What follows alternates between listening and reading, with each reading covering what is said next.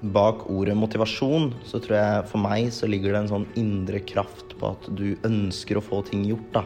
Eller du ønsker å oppnå noe.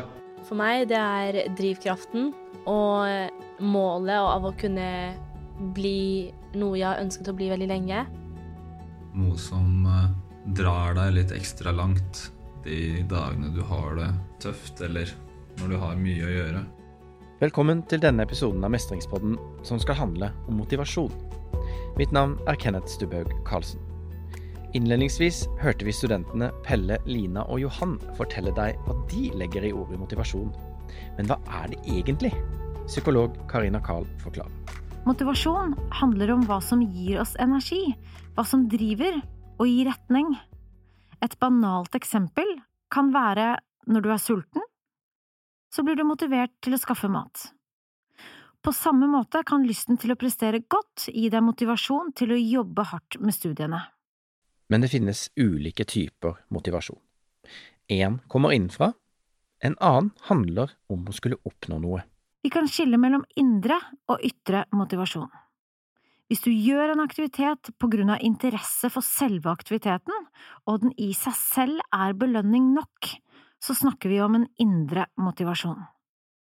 Et eksempel på dette er at du spiller fotball på fritiden fordi du syns selve aktiviteten er gøy, og ikke fordi du prøver å oppnå noe utover det.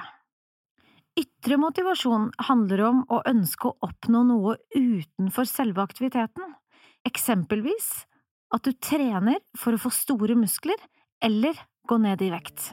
Jeg er mest motivert når jeg eh, møter motgang, når jeg møter eh, andre som eh, ikke er støttende, som viser veldig fort at de er i tvil på at du kommer til å klare det eller gjennomføre det, og da jobber jeg best, for jeg vil vise det motsatte, da. Det er forskjellig hva som motiverer oss. Noen motiveres av kritikk og motgang, mens andre trenger ros og oppmuntring. Men hvorfor blir vi motivert av så forskjellige tilbakemeldinger? Det handler om hvilke erfaringer vi har.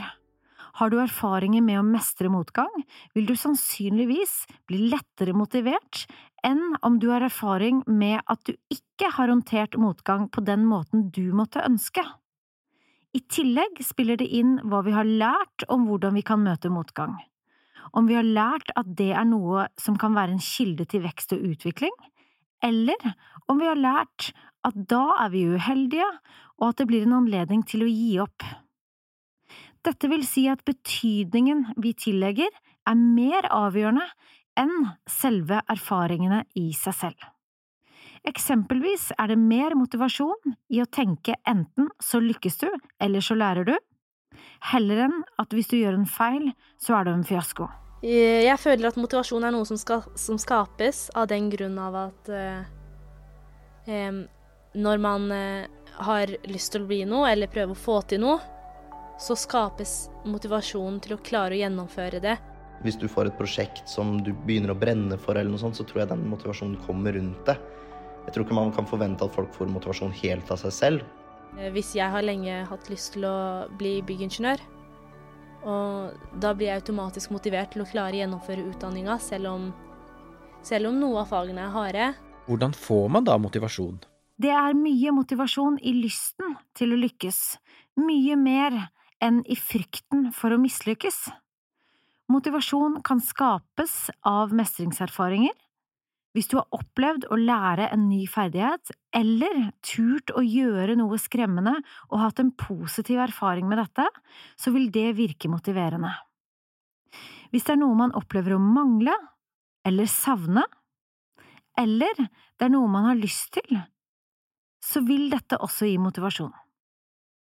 Det kan være lysten til å få en kjæreste, for eksempel.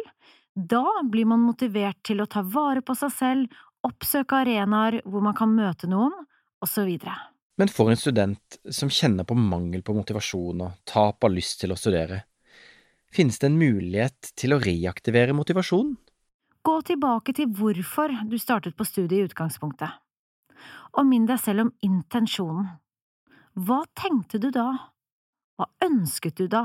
Hvorfor jeg studerer, eh, er nok for å prøve å gjøre verden til et litt bedre sted. Jeg har alltid likt å lære mye. Jeg har alltid likt å se hvordan ting har sammenheng, og eh, hvordan verden henger sammen. Vi må skille mellom når fravær av motivasjon viser vei fordi det viser seg at det du har satt i gang ikke er så viktig for deg likevel, og når du saboterer ditt eget prosjekt gjennom at du gir opp grunnet midlertidig dårlige resultater, dykk i motivasjon eller andre naturlige svingninger. Går det an å styrke motivasjonen? Minne deg selv på tidligere anledninger som har vært utfordrende, men hvor du har klart å gjennomføre eller fått til noe likevel. Følelsen av å jobbe hardt for noe man får til. Vi kan også styrke motivasjonen ved å gjøre oppgaven eller målet lettere tilgjengelig, og sørge for at ting ikke kommer i veien.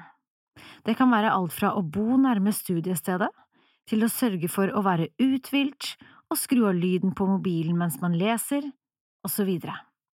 Vi kan også være flinke på å heie hverandre frem for å øke motivasjonen. Husk at motivasjon kan gjøre at vi utvikler oss, at vi tør å bevege oss utenfor vår egen komfortsone, og derav få nye og berikende erfaringer. Det å, det å jobbe hardt for noe over lengre tid, um, det er hardt, motiverende og gøy. Man ser uh, utbyttet av oppgaven etter, etter, å ha gjennomført den, og da syns jeg det er en veldig digg følelse å se hva jeg har lært, og hva jeg har brukt for å kunne gjennomføre den oppgaven. da. In the heat of the moment kan, veldig, kan man føles veldig hjelpeløs innimellom. Stå fast og slå hodet sitt i veggen. Jeg er ikke ukjent av den, for å si det sånn. Så da, når man først kommer gjennom det og får utbytte, det er, det er, veldig, det er en veldig god følelse. I hvert fall for min del. Hardt arbeid er slitsomt. Likevel opplever mange det som noe godt og ikke minst meningsfullt. Hvorfor er det så motiverende å jobbe hardt for noe? Det er motiverende å jobbe hardt fordi i hjernen så skiller vi da ut signalstoffer som føles bra. Fordi motivasjon er koblet til dopamin, som blant annet igjen er assosiert med et driv og en energi til å gjennomføre og det er flere kilder til den typen reaksjoner i hjernen. Alt fra ord du sier til deg selv, visualisering, det vil si det du ser for deg, eller å minne deg selv på en tidligere erfaring med mestring. Hva bør vi være observante på når det gjelder svekket motivasjon? Hva er det som gjør at motivasjonen vår visner? Her kan vi skille mellom indre og ytre faktorer. Ytre faktorer kan være alt fra reisevei, til kritiske stemmer i omgivelsene, mennesker som ikke har troen på prosjektet ditt, for eksempel. Det kan være noe teknisk som ikke fungerer, eller noe i omstendighetene som tar energi og kapasitet fra selve hovedaktiviteten.